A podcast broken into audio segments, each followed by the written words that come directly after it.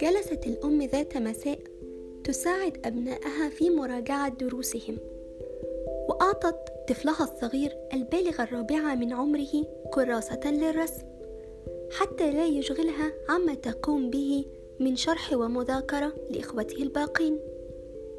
وتذكرت فجأة أنها لم تحضر طعام العشاء لوالد زوجها الشيخ المسن الذي يعيش معهم في حجرة خارج المبنى في حوش البيت. وكانت تقوم بخدمته ما أمكنها ذلك والزوج راضي بما تؤديه من خدمة لوالده الذي كان لا يترك غرفته لضعف صحته.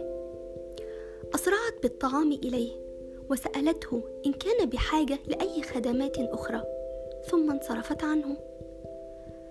عندما عادت إلى ما كانت عليه مع أبنائها لاحظت أن الطفل يقوم برسم دوائر ومربعات ويضع فيها رموز. فسألته ما الذي ترسمه يا صغيري؟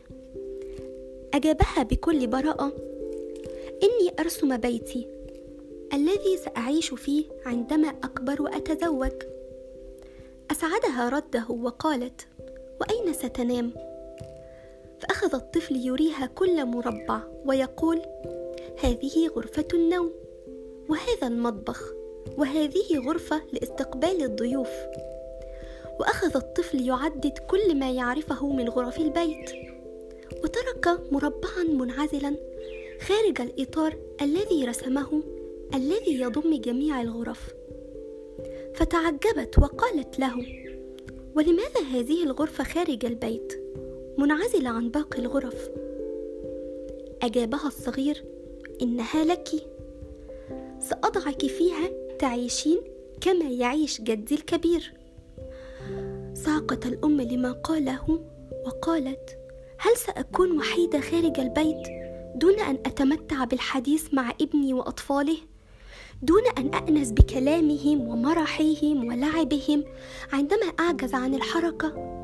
ومن سأكلم حينها؟ وهل سأقضي ما بقى من عمري وحيدة بين أربع جدران دون أن أسمع لباقي أفراد أسرتي صوتا؟ أسرعت الأم بمناداه الخدم ونقلت وبسرعة أثاث الغرفة المخصصة لاستقبال الضيوف والتي عادة ما تكون أجمل الغرف وأكثرها صدارة في البيت. وأحضرت سرير عمها ثم نقلت الأثاث المخصص للضيوف إلى غرفته التي كانت بالخارج. وما أن عاد الزوج تفاجأ بما رأى وتعجب له. فسألها ما الداعي لهذا التغيير؟ أجابته والدموع تترقرق في عينيها. إني أختار أجمل الغرف التي سنعيش بها أنا وأنت إذا أعطانا الله عمرا وعجزنا عن الحركة. ففهم الزوج ما قصدته. وأثنى عليها لما فعلته لوالده الذي كان ينظر إليها ويبتسم بعين راضية.